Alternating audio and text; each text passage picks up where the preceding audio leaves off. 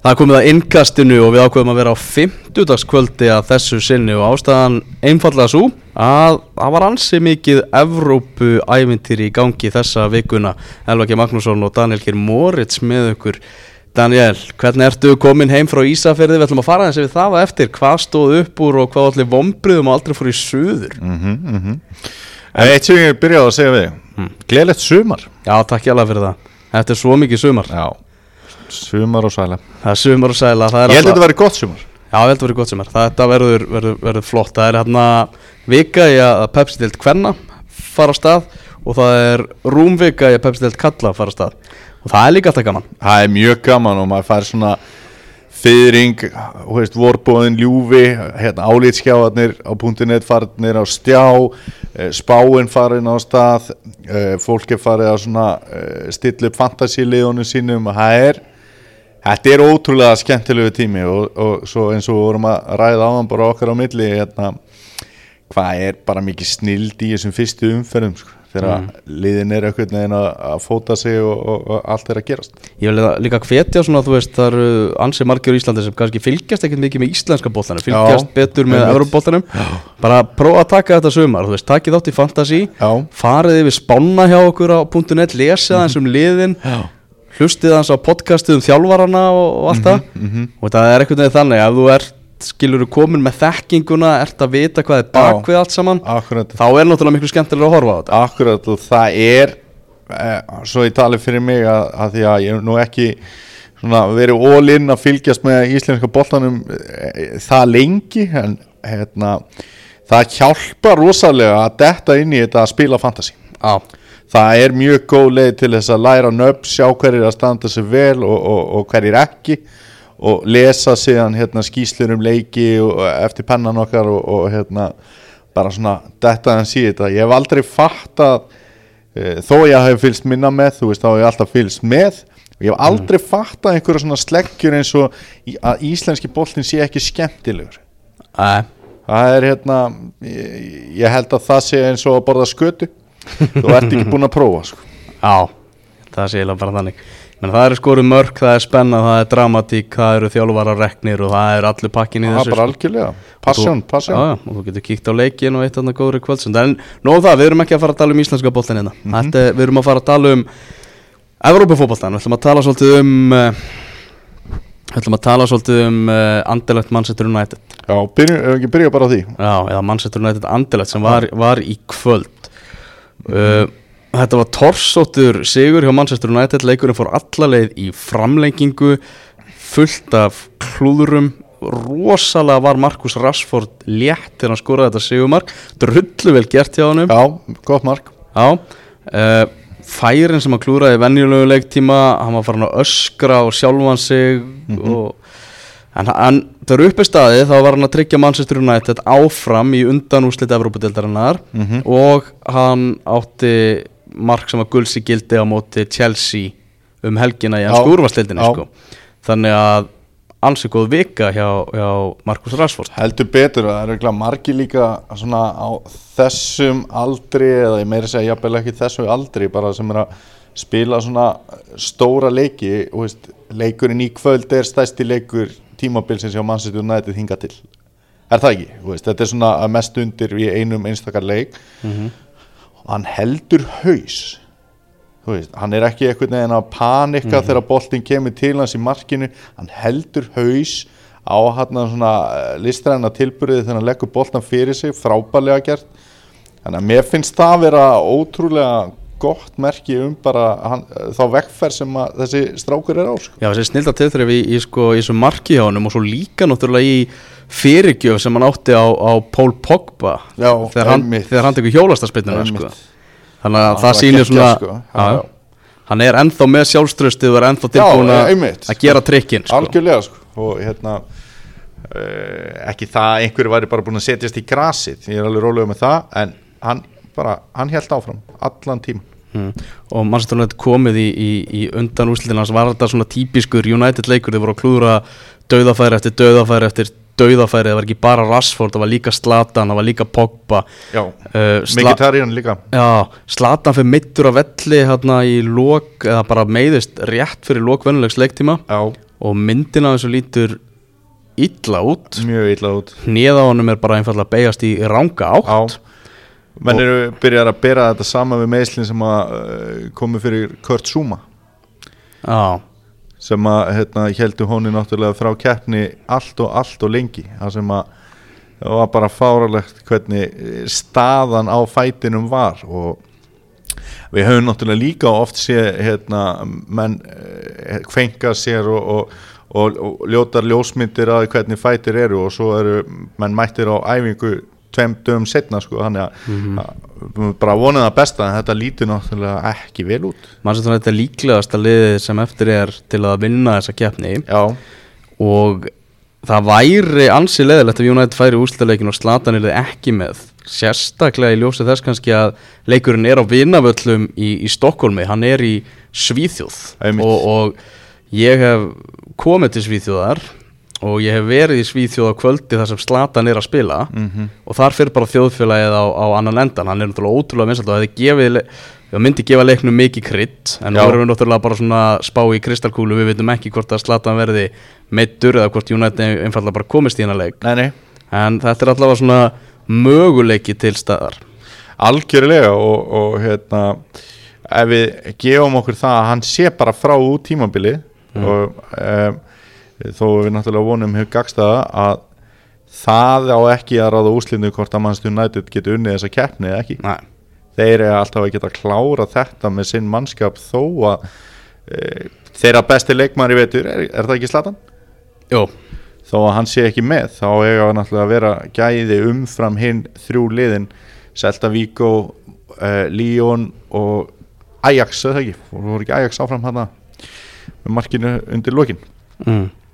Þannig að það lítur vel út fyrir eh, United og við höfum nú líka borið það svolítið saman hérna, hvernig er fyrir United að fagna meistaradildasæti það er náttúrulega tvær leiðir það er að ná þessu fjóruðasæti eða vinna Európu keppnina sem sagt þessa Europa League. Nú er þú United maður, hvort væri þú meira til í hvort það er skemmtilega að fara gegnum fjórðarsætt eða, eða vinna Európa-deildina, það er náttúrulega alveg klárt mál og það er að, að vinna, vinna Európa-deildina og Mourinho sagði þetta svolítið rétt með að segja að þú veist það er öllum í United er öllu saman um þessa keppni í, í september. Mhm. saman þarf að vera að liða sér í henni. Já, en þegar þú veist þetta er staðan og þú ert að þú ert komin í, í apríl einmitt. þá, þá ert ennþá með þá ert að sjálfsögða að stefna á þetta. En það er náttúrulega uh, ei- eitt sem við vorum að pæla þegar við vorum að horfa hann að leika á þann það var náttúrulega hvort að ef að United myndi bæði vinna Evrópudeildina og ná í fjórðarsætið Já, hvað myndi þá gerast? Ernest, Nú skal þú bara segja okkur það. Já, það er bara einfallega þannig að, að, að uh, liðið sem vinnur Evrópudeildina fær meistaradeildasæti mm -hmm. ef að það því ekki heima í deildinni. Þannig að sama hvernig þetta endar allt saman Mhm. þá er liðið í fimmta sæti í ennsku úrvarsleitinni aldrei að fara að fá meistaradeildarsæti Nei. Þá fær bara England fjögur sæti. Það hagnast ekkert lið á því að vinna Európu-keppni félagsliða nema það lið sem vinnur hana. Já, það er bara einfallega þannig. En svona fór þetta uh, hvernig finnst þér svona um þess að taktík hjá Mourinho, hann er svolítið mikið finnst mér, þú veist ég veit að margir þjálfarar að pæla í þessu og oft virkar betur að gaggrýna liðið þitt og gaggrýna leikmenn í gegnum fjölmiðla. Já, stundum er, er það hugsaði bara þannig ok, nú er ég að messa yfir ykkur minn í klefa. Hann hugsaði bara ok, hann er eitthvað að drullu með en ok. Vondu dagur já, já, þannig en að stuðar hann meira ef það verður að drulli við allt inn í fjölmiðlum og það verður að tala um þetta út um allt. Já, og svona þjálfarar eru mikið að stúdira þetta. Og, og margir hverju noti þetta svona af og til til að stuða leikmannahópin sinn. Já, Mourinho er rosa mikið að nota þetta. Já. Og hann er búin að nota á marga leikmenn hann er búin að nota hann bara alla sóknarlínuna sína uh, hann er búin að nota þetta náttúrulega á Luke Shaw eins og, eins og frækt er. Já. hann er búin að nota mikið á Antoni Martial. Já. segja bara, við Martial, segja bara ég er búin að segja við Martial að hann á að fylgjast með hvað Rashford er að gera. Uh, hann er að nota mér svo Henrik Mkhitaryan. Já, og það var að spyrja hvort, að hann var ánað með Henrik Mkhitaryan á fyrsta tímabili. Mhm, hann sagði bara í Europa League ánað með mhm. Bara, Finnst þetta að vera ómikið? ég veit það ekki. Mér finnst þetta svona hinga til hafa virkað sko. Já, og þú veist, hann er ekki ósangjart að því leiti að hann er ekki búin að henda Luke Shaw í kuldan sko. Nei, Þú veist, allir sem hann hefur hendi í kuldan tímabundið hafa sem hann fengið að spila aftur með þess að Bastian Schweinsteiger sko. Já, en jú finnst mér á mikið. Jú, ég verði eiginlega að segja bara Þetta er, svona, er þetta ekki orðið svolítið svona hvað maður að segja neikvætt veginn? Já, er ekki meira sem hann á að vera að segja inn í klefa heldur en hann á að vera að segja í fjölmjöl Já, Þú veist, skil alveg fullkomlega að koma með þetta svona á og til. Mhm. Uh, en Manchester United fór áfram þegar ég verða í pottinu það dreigi verður í undanúslitin á morgun. Og þetta er uh, já svona auðveldasta innan gæsalappa leiðin sem þeir geta farið í, í meistaradeildina því að eins og staðan um fjórðasæti þeir getur unnir rest og, og ekki fengið fjórðasæti í Einmitt. deildinni. Það er möguleik að því. En við fylgjumst með þessu. Uh, þættinu bara bref að var hann til síðasta leikja á Manchester United þar sem þeir unnu Chelsea. Já, uh, það er verið að spyrja með Herrera uh, hendin sem ekki var dæmt á já. í aðdraganda marksins í á Rashford. Mhm. Uh, var hendin viljandi þetta var í eina skiptið sem Herrera var ekki límdur við Hazard. Hann náttúrulega eldi Hazard um allt. Og sending var að fara fram hjá hann Já, uh, þetta var spurning sem við fengum. Mhm. Ég horfði á þetta aftur út að ég hugsaði bara þetta er helviti góðu punktur sérstaklega Mhm. líka ljósið þess að Ander Herrera er ótrúlega gáfaður Já, já, hann klókur kann hann bæði nær að spila sig einhvern veginn í augum áhorfandars og dómarans eins og þetta sé bara algjört prúðmenni Já. og toppmaður. Já, já, og svo er hann svolítið dörti já, sko. já, einmitt. Uh, ég horfði á þetta aftur Já, og pælingi góð en svarið er nei. Því að svona áður en sendingi kemur hann er bara svona að gera sér stóran. Já, og hann setur ekkert hendina út í boltan því að hann er að, það er ekki búin að spynna í boltan áður en hann fer í nei, nei. hendina á honum sko. Þannig að en, en virkilega góð pæling sko. já En, e, en þú veist það er ástæða fyrir því að Mourinho setur Herrera í þetta hlutverk. Treystir hann honum. og, og, og, og maður sér þetta ekki oft í nútíma fótbolta að maður sem settur bara til höfums einhverjum sem frakki til að taka nú leik sko. Nei, nei. Mér fannst þetta hendi. Já, já, og hérna, dómarinn gera mistök að flauta ekki á þetta. Það er bara svo oft sem að við sjáum dæmt á akkurat þetta. Og ég er ekki á því að þetta hefði endilega átt að vera skulda spjald eða eitthvað þannig. En þetta var hendi. Já, já. En hins sér það náttúrulega- stærri með ólöglegum og líkamsluta hann hagnast á því að fá boltan þar sem að hérna, hann má- má ekki fá hann samkvæmt reglum. En það sem gæinn gerir eftir að hann drepa boltan með höndinni það er náttúrulega gull sko. sendingin hann, er svo fl- hann er líka bara svo fljótur að hugsa. Ég held líka að ef að hefði komið eitthvað svona fát á hann eftir að hann fekk hann í höndinu veist, þá hefði verið auðveldara fyrir dómaran að dæma. En hann er bara, þú veist hann er svo fljótur að snúa, sendingi komin hann nýtir þetta svo vel að vera með eitthvað svona ólarlega varnatilburi að ég held að það hafi líka skipt máli sko. leik líka, þú veist, bara ef þú ættir að nefna eitthvað að Herrera helsti kostur hans sem leikmaður bara fótboltagáður Já, og na, já, reynda náttúrulega líka svona hlaupa e, geta, eða veist, þessi svona yfirferð, jú, en, jú, hann er náttúrulega, þetta tvent kannski, svona, mm saman. Förum að segja við meistaradeild Evrópu þar sem að áttalega úrslitin eru að baki. Byrjum í Mónakó þar sem að Mónakó vinnur Borussia Dortmund 3-1 Mm Byrjum að ræða um hann að gauður Mbappe Frábær. Já. Djöfull er Real Madrid heppið að fá þennan gaur. Heldur hann sé bara að fara þangað? Ég held það, ég var að lesa mig til um hann sko.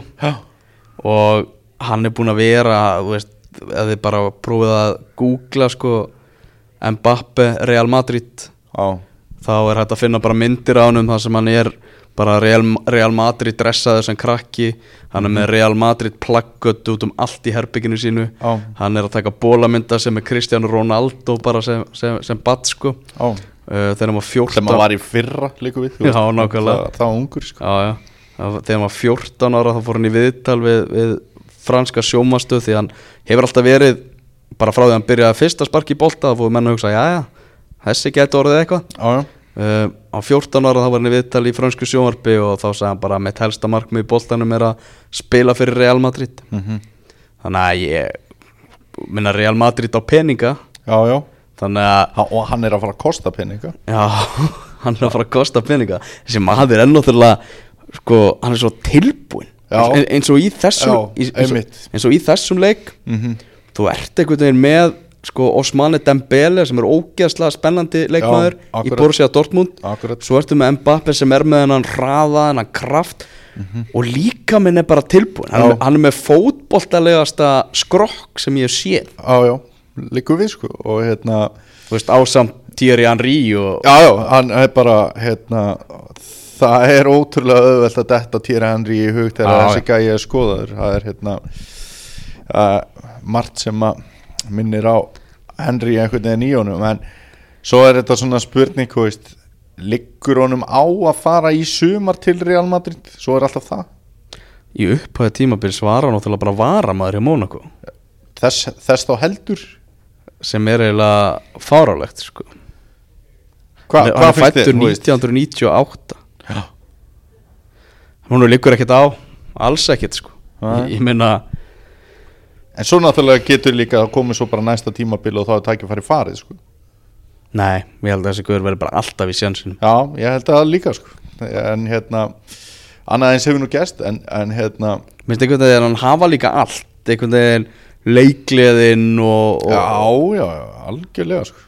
og það er bara, bara allt með þessum guður sko. þetta er já, já, heldur hérna, það hefur náttúrulega líka svolítið verið talað um þetta BBC dæmi sko og e, Benzema. Geti hann ekki farið í sumar? Ég meina hvort verður þú til að hafa Mbappe eða Benzema í þínu lið? Ég myndi vilja hafa Mbappe í mínu liði sko. Já, já, já, en í þessum, þessu emvi varnarleikur Borussia Dortmund var náttúrulega bara hörmulur. Já, og ég sé slatta leikjum hjá Dortmund það vantar mikið upp á liðið varnarlega, já, rosalega mikið. Mhm. Bara eins og sást líka í leiknum á móti Bayern München, stórsleiknum í, í Þískaland Já, já, algjörlega. En hva- hvað, hérna hvaða máli heldur að hafi skipt fyrir þessa viðurögn þú veist, nú var náttúrulega fótboltin ekki það sem var mest talað um í þessari viðurögn heldur var það þessi sprengja þarna rétt fyrir e, þegar hérna, fyrirleikurinn átti að vera flautaður á hvað heldur að þetta hafi skipt miklu máli í viðurögninni ég veit ekki, það er erfitt að segja það þú veist, og, og, líka Túkell talaði um það, þú veist, fyrir hennar setnileika að þið voru búin að hreinsa þetta út í kerfinu. Já, samt voru þeir svona á löngu köplum bara rosalega tæpir. Já. En það sem ég er að meina það er sko að, að var ekki daldið skrítið hvað fyrirleikurinn fór fram stuttu eftir þetta springa Jú, jú, alveg bara galið. Er það ekki? Var þetta ekki bara algjör? Gjössalega galið. Og líka búið að taka fram að Dortmund var aldrei, þú veist, leikmenn Dortmund voru aldrei spurðir af því. Þú veist, bara hvernig eru þið? Já. bara hvernig líst ykkur á að spila þetta á morgun? Viljið bara klára þetta og þið voru aldrei spurðir af því. Nei, þú þetta, var, þú veist, á meðan var hringt skilur í forráða meðan stærstu sjómasfyrirtækjana og, og spurt bara hvað hva viljið þið gera í þessu? Viljið þið sína þetta á morgun? Einmitt. Og fótboltinu á náttúrulega ekki að snúast um það.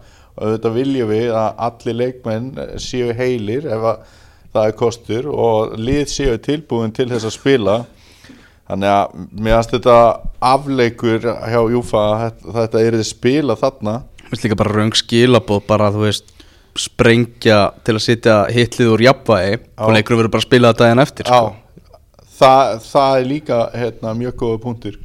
Og e, það sem að hérna, er náttúrulega stóra máli í þessu, það er að leikmaður Dortmund, hann þurfti bara að fara á sjúkrahús sko. Veist, það, og verðum væntalega frá út tímabili en við náttúrulega vitum það ekki en ég, ég held að Monaco sé betra lið eða svona var tilbúnar að held yfir í þessa viðurregn og þess vegna fóru þeir áfram, þeir voru bara betri og hefðu öruglega verið betri ef að allir, ef að klukkan hefði slegið í gleði hjá öllum. Lester gerði eitt að tjáptefla á móti Atletico Madrid eftir að hafa tapað 1-0 í, í fyrirleiknum Lester getur borið höfuð svo sannarlega hátt eftir, eftir þetta Emi.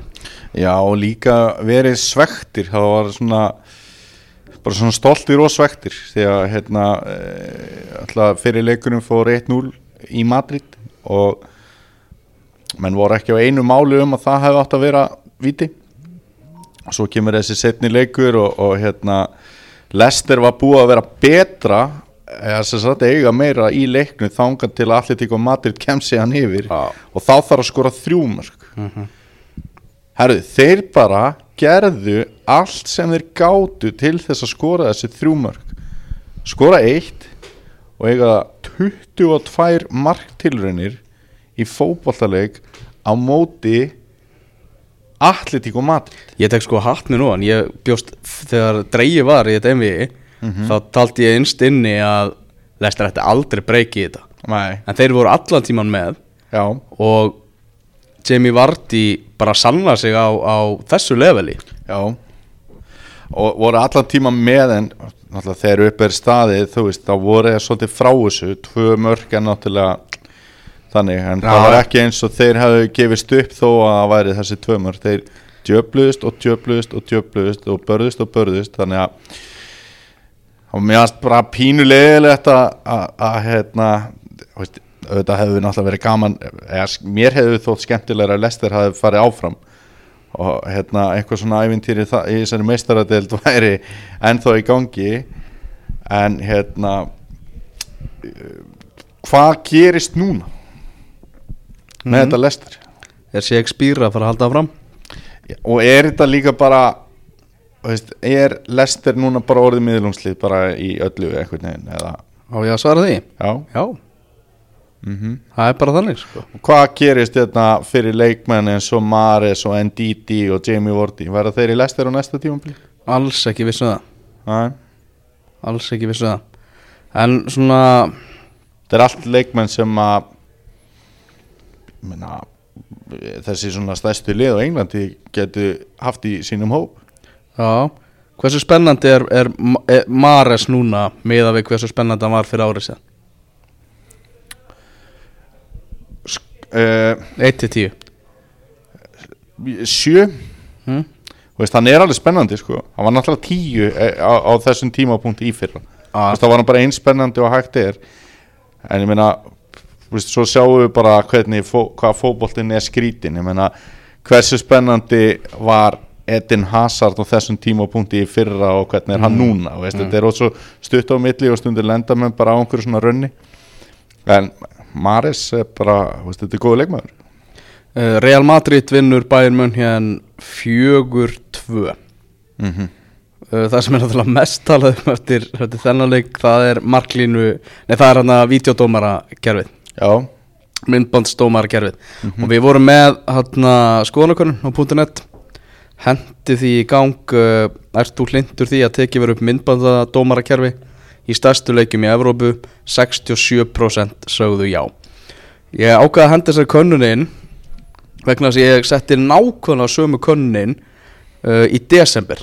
Þegar var einhver annar leikur þar sem að það var að byrja að tala um eftir hann. Ok. Þá var, voru 52% sem sögðu já ok. Þannig að þetta er 15% aukning já, á stuttu tímabili. Já, en það er náttúrulega eitt sem að eh, ein breyta í þessu það er, það eru ansi margir svona Ronaldo haters þarna úti sko, Já, Þú veist, og þeir kjósa já eftir hérna Real Madrid bæmur hinn allir. Þannig að þetta er fullkomlega margt Verð ekki með þetta. Verð ekki með þetta. Þannig að ta tal talandum, talandum Ronaldo. Já, Það var baulað á hann mm, í þessu leik. Já, uh, Ég horfði hann á leik og fram að því að að það að það var skrítið að segja þetta vegna þess að Ronaldo skoraði þrennu í þessum leik. Já. Hann skoraði fimm mörk í þessu emi mm uh, Fram að því hann skoraði fyrsta marki í þessum leik og var hann alveg drullu lélugur. Já, var að bara taka rángar ákvarðanir og, og allt það. Réttlættir ekki að það sé baulað á hann. Nei, alls ekki. Alls ekki. En svo endar hann þetta bara á þrennu sem er einhvern veginn svona Það er Ron- eins- Ronaldo bara. Já, það er eins Ronaldo-legt og að verður sko. mm. Þú veist, svara, veist, það svona leik þetta er svona leik, leikmaður eins og hann og Didier Drogba sem að hefði gert þetta sko. Veist, bara, herri, þá sýni ég ykkur bara að þið eigi að halda kjafti sko. í andlitið á þér Já, nákvæmlega ég, bara e, hver er svona við tökum bara dæmi, hvað hversu lélugur og lengi lélugur hefði Ryan Giggs þurft að vera í búningi Manchester United svo þú væri mættu bara á Old Trafford til að baula á hann Minna Ronald, hérna Giggs var náttúrulega í lok síns fyrir sjá Manchester United. Já, þá var maður svona það er bara best að fara að segja þetta gott sko. Já en, en, en, baula en, maður var veist, það er ekki sjans að nokkuð maður hafi verið að fara að baula á hann. Og bara hjá svona flestum félagsliðum Já, það þarf ansi mikið til að baulir á gaur sem er búin að bera liði kannski ofta á tíðum á herðum sér já og er búið að vinna svo mikið af stigum og titlum fyrir liðið Mhm. Slá þegar það hefur verið í að vesin Slá hjá þessu klúb fa- þetta, þetta ótrúlega auðmingilegt sko. þetta, þetta, Þetta er eins og ég færi hérna bara á laugadalsvöll og myndi baula á Þú veist, myndi aldrei detta í hug bara skammast þín sko. Ekki, ekki bara að þú hafir hugsað um þetta það gerir mig pyrraðan sko. Veist, þetta, þetta eru samt líkindi sko. þetta er mjög góð líkindi að Marcelo í þessu leik frábær frábær uh, sérst líka einmitt í þessu marki þar sem hann leggur upp á Ronaldo mm -hmm. aðstöðadómarinn hann er sko eitthvað staðar allt annar staðar veist, að þetta er eina af svona helstur bara ástæðum þess að, að talað er um myndbandadómari kerfið það er bara veist, dómar að Já, já. hættir að ráða við hennar hraða Já, já. og, og, og bara það sem er í gangi hjá heimsklassa fótballtamennum í dag sko. Er þú hlindur minnbandadæri? ég sko ég soldi svona vaggandi í þessu Já vegna þess að ég séð atvika sem hefur verið að prófa þetta og þetta er að taka svo ógeðslega langan tíma Mhm. og, og allt það en eftir svona leik það sem að bara svo stór atrið falla á móti öðru liðinu. Og ráða bara basically úrslitum það hvort liðið fyrir áfram. Mm.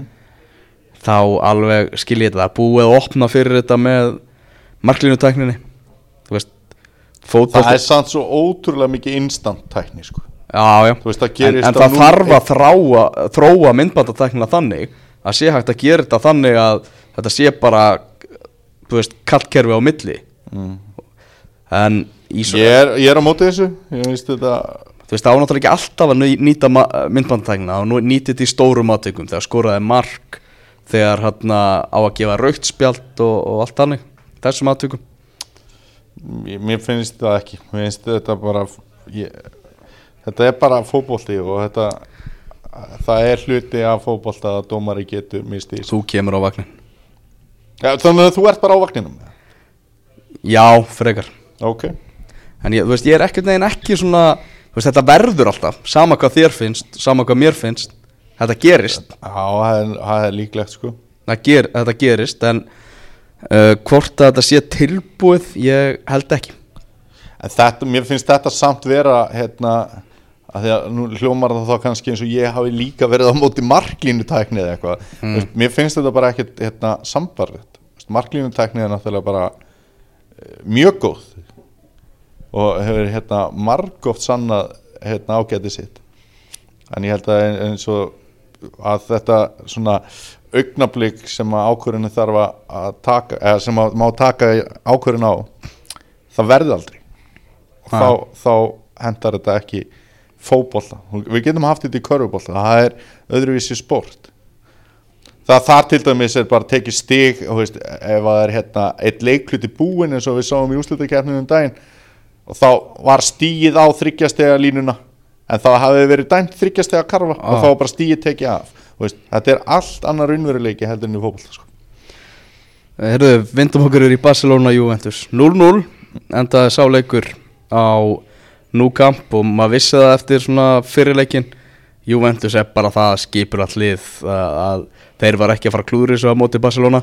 Á, Nei. á hinbóin þá fekk Barcelona mm, talsveit betri færi heldur en ég regnaði, regnaði með og er svona talsveit fleiri betri færi. Já, en en þú bara var samt grjótharður að Juventus færi áfram með þessari viðræð svona semi. Ég, þú veist, ég var eiginlega meira á því að þeir færu áfram en ekki. Já, uh, hafði eitthvað Það sterkar var samt tilfinning mjög, í því ávast mjög skýri þeirri ástöðu en ég var sérstaklega skýrið þeirra afstöð að Juventus var að fara að gefa þeim sko leik allalið í þessu. já, og uh, einhvern veginn svona miða við bara ef maður horfir á þessu tvö lið einhvern veginn og hvernig holningin er á þeim Mhm. þá hefur þetta verið svo rosalega endasleft hjá Barcelona. Mm.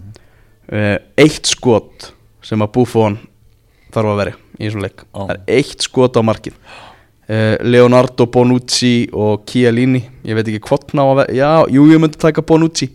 Já, bara mannleiksinn sko. Já, en báðir alveg óhemju góðir sko. Algjörlega sko. og uh, einhvern veginn svona maður hugsar sér bara hvaða leik, þú veist hvort sem að það sé Grísmann eða, eða Ronaldo eða, þú veist, Mbappe, eða Mbappe þessi gaurar nenn ekki að mæta þessum gaurum sko alls ekki sko. Því að þetta eru þetta eru svo, þetta eru svo skemmtilegi varnamenn að því leiti að þeir svona þetta eru svo, þeir eru svo fórtfúsir Já. þeir bara fara í allt. Algjörlega. Og hérna svo er náttúrulega búin út oft sínt að hérna, hann er líka góður í fótbolta. Já, mjög vel spilandi miðverður hann er að hann var nú valin í þetta heimslið hérna okkar í haust já, og hérna virkilega verðsku hann er bara hann er svo góður sko. Já. Og þetta er þetta að risa tíðindi að Barcelona er hann bara fallegu leik. Já, og það er El Clasico á sunnudaginn. Já. sunnudagskvöld, Mhm. Real Madrid á heimavelli. Ef Real vinnur þá er munurinn á liðunum 8 stig mm og Real á leik inni auk þess. Mhm. þannig að á nokkru dögum getur Barcelona bara lokið keppna á þessu tímabili. Já. Bara stimplað sér út ég held að það skipti ekki máli engu að sigur þó að Barcelona myndi vinna er klassíku Já, já, en það er alltaf heldur heldur þeim á lífið Já, ég held að þeim á lífi, ég er algjörlega sammála því að, að hérna, Real Madrid er betra lið en Barcelona í dag. Það er, það er einhvern veginn það eru fleiri hlutir sem er að ganga upp hjá Real Madrid, það er minna vesen og þeir eru bara að standa sig betur. Mm uh, Lionel Messi. Já, hann er eiginlega svolítið orðið mannlegur. Við erum búin að ræða hann áður í þessu já, kasti já, hann er farin að eiga bara reglulega slaka leiki. Mm -hmm. uh, en þá og, og samanskapið þá náttúrulega Ronaldo líka veist, er svona þeirra bjartasta stjarna skín ekki jafn skert einhvern veginn sko. öll eldust við og allt það. Já, já, nákvæmlega sko. og, En vá hvað tók langan tíma hjá Messi að verða mannlegur já, Þannig en, en Ronaldo er eins og það sko tveimur árum eldri heldur en, heldur en Já, Messi. einmitt, einmitt Nákvæmlega. Ronaldo er 85 mótel og, og Messi 87 mm þannig að þetta er þetta, er- þetta er fróðlegt. Juventus verður áfram dreigið á morgun tíu í fyrramálið. Einmitt bara fylgist vel með þá. Uh, lítum aðeins á það sem er í gangi um helgina. Við með langar aðeins að spyrja einu Aðeins áður en við sleppum tökunum á meistaradildinni mm.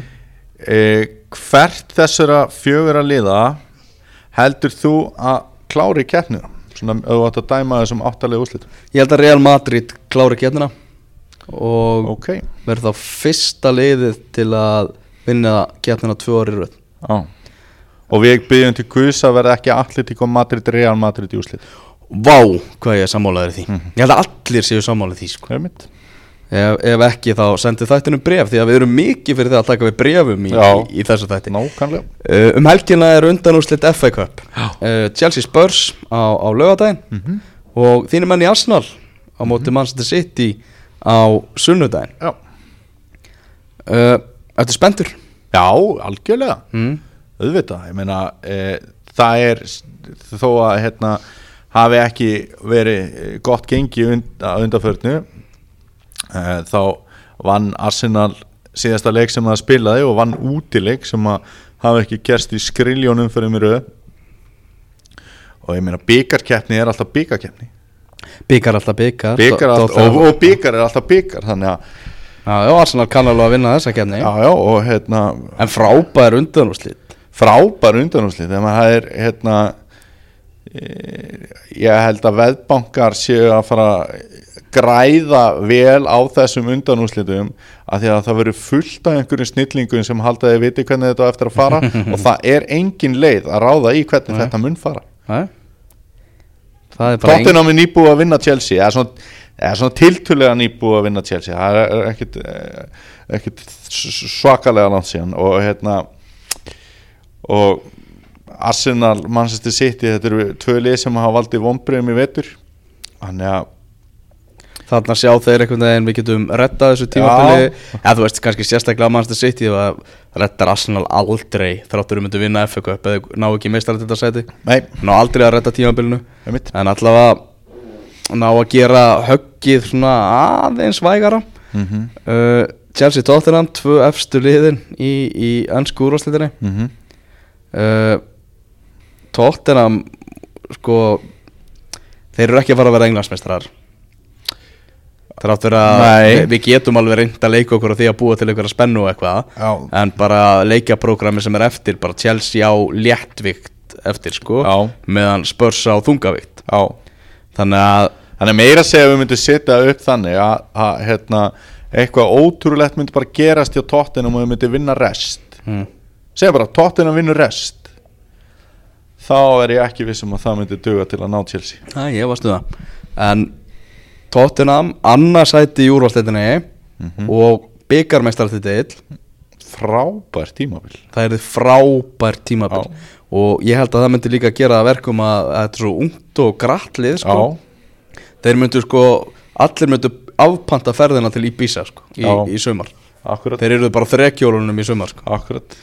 Þetta er allavega, þetta er í gangi. Uh, Chelsea Tottenham á lögadag Arsenal City á sunnudag. Líka stert þá hjá Tottenham að vera að lenda í topp fjórum hérna, tvö tímabili í röð. Að því að þegar verið að tala um þessi svona stærstu lið alltaf það er eitthvað fólk, ég veit ekki, kannski fyrst núna sem að Tottenham er eitthvað að tekja alvarlega í því. Mm.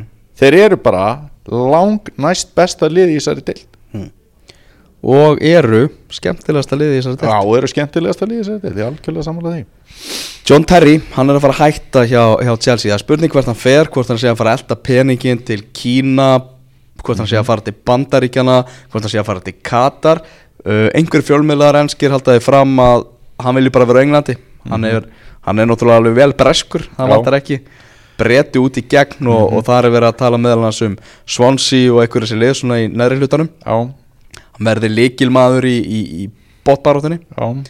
Uh, John Terry góð klálega Heldur betur. Búin að vera algjör aukaleikari á, á þessari leiktíð. Mhm. en á hinbóin búin að eiga magnaðan feril og, og, og mjög svona storma saman feril því að hann er alltaf einhvern veginn að hyrða fossiðurnar hvort sem það sé vegna að að lifta titlum eða gera eitthvað skandala utanvallar Já, en leikmaðurinn John Terry. Já. Uh, Vilt þú Ef ég myndi segja bara Er John Terry besti varnarmaður Ensku úrvalstildarinnar Frá upphafi? Og þá er ég að tala um frá stopnun Premier League. Það er náttúrulega, hérna, ég ætla að uppljóstra það að þetta var heimaverkefni. Mm. Þú, hérna, gafst mér þetta heimaverkefni og ég fór í smá rannsóknar vinnu og, og það voru bara hinn og þessi nöfn sem að koma upp ég meina, ég er Arsenal-maður Tony Adams kom upp, skiliru það er auðvelt að pæla í Rio og Vidic það er auðvelt að pæla í Karraker leikmaður eins og Colin Hendry hann kom upp, magnaður miðvörður og, og spilaði þarna í meistaraliði Blackburn á sínum tíma. Ricardo Carvalho. Ricardo Carvalho og, og, hérna, og fleiri góðir. Japsta Japstam, já, algjörlega mm. fárar þetta að glemma honum en hérna, Asli Cole hann er alltaf ekki mjög, já, Varnarmaður. Varnarmaður, Já ok Asli Cole, já, ná, nákvæmlega sko. en ég, ég grúskaði og grúskaði og pældi og hérna uh, var svona að- aðeins svona pyrraður út í þig sko að láta mig fá þetta verkefni því að mér fannst þetta svo erfitt mm. Svari mitt er já John Terry er besti varnamæður í sögu ennsku úrastelda Hann toppar Tony Adams, Rio Já. Ferdinand, Sol Campbell Já, Carvalho, Vidic, Stam. Já, Já, Já skemmtilegt. Hvað segir ég, þú? ég ætla að velja hérna Nemanja Vític Já, bara, mér veist hann einhvern veginn bara mér veist, þú veist svona ósjálfrátt og þegar ég fór að pæla í þessu sko ég mið einhvern veginn alla miðverði og hef gert það út frá Nemanja Vítits þegar ég er að hugsa bara hver er besti miðvörður í heimi í dag mm. þá hugsa ég alltaf um Nemanja Vítits ok. Ég, og, og ég hugsa bara svona hversu góðu miðvörður er hann? Og þá hugsa ég út í, út í Vítits ok. Ég bara ósamála og ég meira að segja að finnst Ferdinand hafa verið betri en Vítits Já, Vítits veginn, já, neða, já. Vítits náttúrulega frábær. Ég veist enda taldi ég hann upp á hann. Fimm sinnum englandsmeistari, vann meistaradeldina algjörlega sko. Og mm, bara einhvern veginn svona trukkur. Ég vil hafa svona, þess vegna er ég líka hrifin af Leonardo Bonucci sko. Þetta er svona Mhm. old school varnamenn sko, líkamlega sterkir. Sko, Terry er betri í löpunum heldur en hann, það eru fleiri mörk í Terry líka. Er me- var meiri leiðtói í sínu liði heldur en Vítits þannig að mér fannst einhvern veginn Terry hérna skáka honum í þessum pælingum en ég, ég hef alltaf verið með svona ákveðna kenningu með John Terry. 2004 verður Arsenal englandsmeistari. Mm. og uh, í, og 2003 koma hérna Abramovits peningarnir inn í Chelsea. Mm ég fullir það að ef að hérna, ef Abramovits peningarnir hefði ekki komið til Chelsea þá hefði John Terry spilað fyrir Arsenal. Já, ég held að það hefði, hefði verið svo hérna, no-brainer. Kippa, Chelsea var náttúrulega bara svona lið sem var að daðra við einhvern veginn hlutina voru ekki svona þú veist, já, þetta var ekki Chelsea lið í dag skilur nei peningarnir á Terry Arsenal, Chelsea stóð ekki sérstaklega vel þegar Abramovich kemur hérna þetta, ég, ég, ég sé þetta alveg gerast. Þú veist svona að breyta svolítið í vengar Svona, ég var næstuði búin að fá hann. Nei, nei, nei. Hann var næstuði komin til okkar. Nei, og þetta var náttúrulega að því að Abramovich kemur inn með alla peningana, þá var þetta aldrei mögulegi. Þetta, ég er smá í svona ef og hefðileiknum og sumum finnst hann ekki skemmtilegur, en hérna, þetta er eitthvað sem að, Ég held að öllum okkar hlustendum finnist gaman að ef og hefði já, Því að þú veist þessi, að, þetta podcast er svolítið ef og hefði sko. Já, og hérna, mér fannst eh, gaman þegar ég rætti þetta við Höskuld félaga minn sem er mikill Chelsea maður á sínum tíma og, og hérna, hann, Var hann Chelsea maður á sínum tíma? nei, sagði ég það? Já, þú veist eitthvað Æ, ég, ok, ég bjórinn að tala. En hérna en hann gæti tekið undir þessa pælingar Já Eru þarna úrvalslið tímabilsins valið af leikmönnum, það var tilkynnt í morgun. Já, uh, Þú ert ekki alveg sammála þessu? Nei ég er það ekki. Og hérna Sko, uh, ég er United maður. Á, David G er í markinu í þessu liði. Á, mér það ekki rétt. Já, ég ætla bara að segja það, það er, ekki rétt, það er bara ekki rétt. Það, Bara Hugo Loris á að vera í þessu Já, liði. Og mér finnst líka Tom Heaton búin að eiga betra svona tímabil heldur en DG á þessu tímabili einhvern veginn. Já, já, þú veist, hann er aldrei að fara að skáka samt Hugo Loris sko. Nei, eh, á veist, nei. Nei. og hérna, en er þeir, þeir varst að- báðir hefðu mátt vera undan hérna DG Já, en það var annað sem að Þú sagði mér að þeir nánast bara skemmt morgunin hjá þér í morgun. Já, ok, við skulum alveg róa okkur með það. En hérna Já, mér finnst undarlegt að hérna, Alexis Sanchez sé ekki í þessu liði og þá á kostnað ég veit ekki eh, alla, allavega á kostnað Saito Mane. Já. Og hérna Saito Mane er búin að vera frábær og hérna Já, já, alveg eins og mér finnst John Terry vera frábær Nei, þú hatar hann. Það er ég velji vítið Já, nei, og bara- og, og þegar, við vorum þarna í leiknum okkar að með að velja bara einn úr hverju liði þú veist, þá Mm. Sem ég vann. Nei, Jú. þá valdi ég Saito Mane. Við völdum Saito Mane báðir í það lið Þú veist, Mm. við vildum að það var leifupúleikmaðurinn sem að okkur langaði að hafa og hérna en Alexis Sanchez hefur bara skora meira lagt upp meira og verið mikilvægari fyrir sitt lið heldur en Saito Mane og nú hefur Mane verið að, dottin út og Liverpool búið að spila nokkra leiki síðan og af úrslitunum að dæma þá hafa þeir ekki saknað hans. Þó þeir náttúrulega saknað skilur en þeir hafa samt verið að ná í þrjú stig. Þannig að mér fannst þetta að skriði mm. hann var líka tilnefndu sem leikmaður ársins ekki Saito Mane þannig að við fannst þetta. Mm Nú erum við báður að- fá okkur bjór hérna. Við verum að spjalla þessu um, um boltan Þá er um að gera hendi smá pub quiz. Ok. Uh, Hvaða en hann er að segja púbquiz Pub quiz. Ok. Hvaða leikmaður er það sem hefur oftast valinn í lið ásins í ennsku úrvallinni? bara, já, bara frá stofnun sem sagt. Já, bara frá því að þessi velun byrjuði Ég get sagt þér vísbendingu Nei, ekki sem við spendingu Sáleikmar hefur verið valin áttasinum Ok, átta sinnum. Já, Ok. Það hefur engi leikmar verið valin sjösinum En þeir sem hafa verið valdir sexinum eru Alan Shearer Rio Ferdinand Ryan Giggs Gary Neville Á var þetta Frank Lampard? Thierry Henry mm og Patrick Vieira. Frank Lampard Nei, þetta er Steven Gerrard. Steven Gerrard. Ah, Það er bara þannig. Ok. Þess- að geta Nemanja Vitits uh, og John Terry hafa báðir verið valdir fjórisum Já varandi þarna sem við vorum að tala um aðan En eru þið þá komið að, að, að geggjaður í velunafendingu mm Ég ætla að opibera það hér og nú hver er mesti varamaður ensku úrvastildar ég er búin að vera mjög spenntur fyrir þessu frá því að ég heyrði þig að segja þetta Já. Útskýrðu hvað um áttuð Hvað er mesti varamæður? Það er, uh, við erum að tala um mannin sem hefur varið mestum tíma á varamannabekknum í ennsku úrvastildinni á þessu tímabili. Mhm. og við tökum markverðina frá því að það er bara öðruvís að vera Það varamarkmaður segin saga að þeir myndi skipa fyrstu tíu sætin á einhver svona li- lista. Herru, við ætlum að byrja á þriðja sæti. Ég ætla bara að fara í topp þrjá Má ég giska hver er Nei. efstur? Nei, nei, þetta er ekki hluta á, á pubquizinu. Frábært. Uh, Í þriðja sæti Já, búin að vera einn dag 23 klukkutíma og 29 mínútur. Já, þá erum við að tala ótrúlega talið í spilmínútum. Á varamannabæknum þriðji mesti varamaður ennsku úrvarsleitarinnar er Alberto Moreno. Yes hjá Liverpool. Já, og hann á bara hverja einustu mínútu skilið já. að sitja á bæknum Mögulega samt ekki Því að það ætti náttúrulega einhver annar að vera í þessu sæti. Því að það er eitt lélögu leikmaður. Já.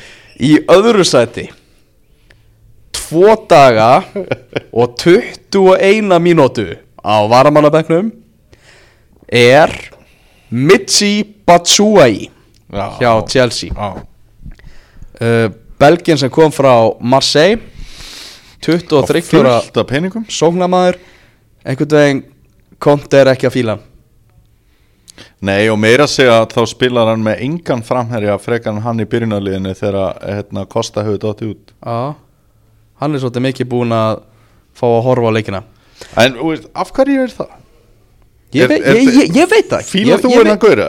ég veit það ekki, ég hef ekki síðan að spila Já, mikið. minna bara þannig, já, Já, Okay. en þú veist, hann, einhvað, þú veist, hann er fengin eitthvað og, að, ég, ég veit það ekki. Og hann, Chelsea hefði getað veðja á fullta hestum síðasta sumar þegar veðja á hann. Uh, Það er komið að mesta varamannum Þú veist, ég get alveg leiftir að giska og menn það get giska á það, sko. Æ, ok, mér datt í hug John Terry. Uh, Tveir dagar, 1 klukkutími og 32 mínútur. 24 ára varnamaður Burnley, Já, ok. Hann heitir James Tarkovsky. Ok, það er reyndar, annarkort sitt á bekkni á Burnley eða leiki Rocky. Þetta er geggja nafn, sko. Já, James Tarkovsky. Hann er mesti varamaður ennsku úrvarstildarinn Ok. Ég skal bara segja það. Balotelli hótnið, ef við ekki að vinda okkur í það. Balotelli er brjálaður. Já. Hann er reyður Mhm. uh, Það er vesen í, í fjölmiðlum Fjölmiðlar. Ó, Byrja fjölmiðlar Já, að nýðast á okkar manni. Já, Nú er einhver klámstjarna sem er að halda því fram já, að okkar maður hafi verið að senda sér skilaboð í gegnum Instagram og vilja fara í eitthvað ljúfanleik mm. og okkar maður er ekki sáttur. Vil meina að þetta sé allt saman lí. Mm. ég trúi þessu samt sko. Sko, það Ve, ve, hefur veistu af hverju ég trúi þessu? Að því að það hefur komið fram í okkar þáttum áður að hann hefur aðeins verið að nota Instagram til þess að koma skilabóðum til stelpna Er það kannski það? Eða? Já Hann er rosa og meðal annars íslenskra já, stelpna. sko hann, hann, hann er rosa mikið á Instagram Shitturinn En ég minna sko, Þegar, þegar, þú, þegar þú veitir leifu, var það í gegnum Instagram? Nei, það var ekki í gegnum Instagram En hérna Mér er stoltið svona skemmtilegt. Að Það er alltaf einhvern veginn svona eh, pælingin. Að því að nú þú veist svona miða við hvað gengur og gerist þá er ekki eitthvað tiltökumál að hann myndi gera þetta. Þú veist, þetta er ekki við strik skilur við, eða veist, maður veit náttúrulega ekki hvað stóð og eða hvort það var eitthvað vanverðing í þessu eða eitthvað þannig. En ef þetta var bara eitthvað að hann vildi hitta hana og ha- hafa gaman, þú veist það er ekkert að því Hún er með rosa bollur, sko. en ef að viðbröðin eru svona brjálaðislega við einhverju sem að er ekki eitthvað rosalega slæmt þá eru miklu meiri líkur á að þetta sé satt. Þú veist, ef hann væri eitthvað nefnir bara svona, að þetta er eitthvað flipkísi bara. Þú veist, þá þá væri minna til í þessu. Uh. er það ekki saman, þú veist, þú skilur hvað er að fara? Og, þannig að en já, já en við stöndum samt með okkar mann. já, klálega Fjölmiðlarnir eru með stæla og við nennum því ekki. Nei. Helvítis fjölmiðlar. Mm Uh, aldrei fór í suður en næst á, á, á dagskráni. Ok. Þú varst á, Ísafirði, já, mikið stuð og uh, í síðasta engkasti þá lofaður því að þú ætlar að koma með skýslu. já Þú ætlar að velja það besta frá aldrei fór í suður mhm og það versta. Allavega svona mestu vombrið. Já eh, Þetta er rosalega opið er það ekki? Þú ert ekkert bara að tala um tónlistaratriði. Þú veist, þú ert að tala um bara í ferðinni og svo leisa ekki? Ég, Já, skil, ég já. skildi það allavega þannig sko. Já, í hérna besta, þá, þá er það þannig En í versta þá þarf það að velja eitthvað tónlistaratriði og helst persónu að gera þetta. Ok, ég ætla kannski ekki alveg í það. Uh, uh, Það besta á aldrei fór í suður uh, voru hérna, tónleikar hjá 66 gráðu norður. Þeir settu upp hérna litla Þetta tón- sponsor? Nei, nei, þeir settu já, það, það voru sponsaði tónleikar. Já, þeir, þeir- voru ekki í hátíðinni heldur voru þeir á suðureyri. Þetta skýrir svo mikið 66 gráður norðu peysuna sem já, er stílum já, og úlpuna og húuna og allt sko. En hérna þar var hljómsveit eða margmiðlunar verkefni eins og þeir vilja láta kalla sig sem heitir Hatari Ok. Þetta er ro, eitthvað rosalegasta tónleika upplifun sem ég hef orðið fyrir. Ég alveg tala sko. Ég var bara blónd away sko. Það, að, hérna, þeir eru með hérna svona boðskaps tölvu pop rock eða svona nýþungt. Og hérna hann öskrar allan tíman söngvarinn og þeir eru þannig að þeir vilja ekki að tónlistin þeirra sé aðgengilega á Spotify eða YouTube, þetta er bara á miðlum sem þeir halda úti sjálfur þannig að eina leiðin fyrir fólk til að hlusta á þá er að fara á hatari.is og ég skora á fólk ándjóks að fara á hatari.is og tjekka laginu sem, 66 gráður norður. sem er þar. Og þeir voru valdir hérna, tónleikaband ársins af Reykjavík Greipæn fyrir 2016 og ég sá innslag um þá í Karsljósin ekkert í og ég hlakkaði rúslega til að sjá þá. En þetta var ótrúlega upplýðin og Ok. allir sem voru þarna geta votta það.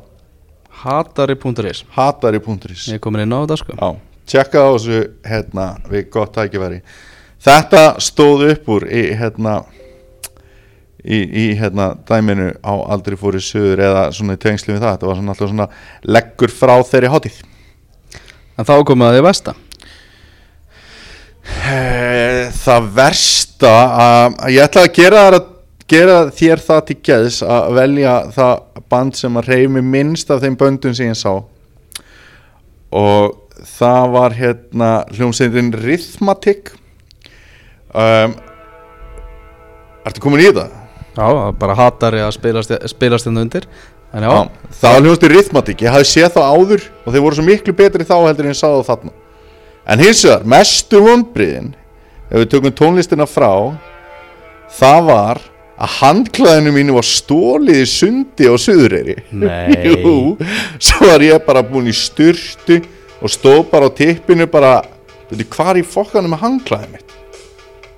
Og ég átti ekki þetta handklæði.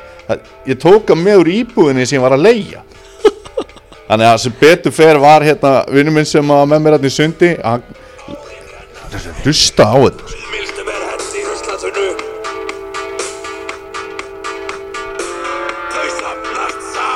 Það er slána handklaði honum. Já, þannig ég gætt þurka mér á blöytu handklaði, þetta voru mikið vonbríð svo er eitt sem ég langar að tuði yfir. Það er hérna að fólk sem að við erum að breytast bara í útarpsögu það er fólk sem að stendur inn á svæðunum hans á tónleikum. Þú veist, maður er með þetta og veist sína, ég veit ekki 15 cm fyrir fram að segja eitthvað, þú veist, smá space. Þeir eru alltaf verið að bakka á mann. Það getur gert mig geðveikan. Bara koma að því að Já, þá er því bara komið fram. Að- að- En ég er hérna geggjuð hátíð. Og Ísfinningar bara eru náttúrulega stoltir af henni Þannig ég þarf svo sem ekki að róma það meira. Algjörlega. En við verðum að fara á tónleika með hatari við tækifæri Já, ég bara Við bara segjum þessu podcasti loki Ég ætla að fara að hlusta eins á, á hatari. Bara takk hjálpa fyrir kvöldið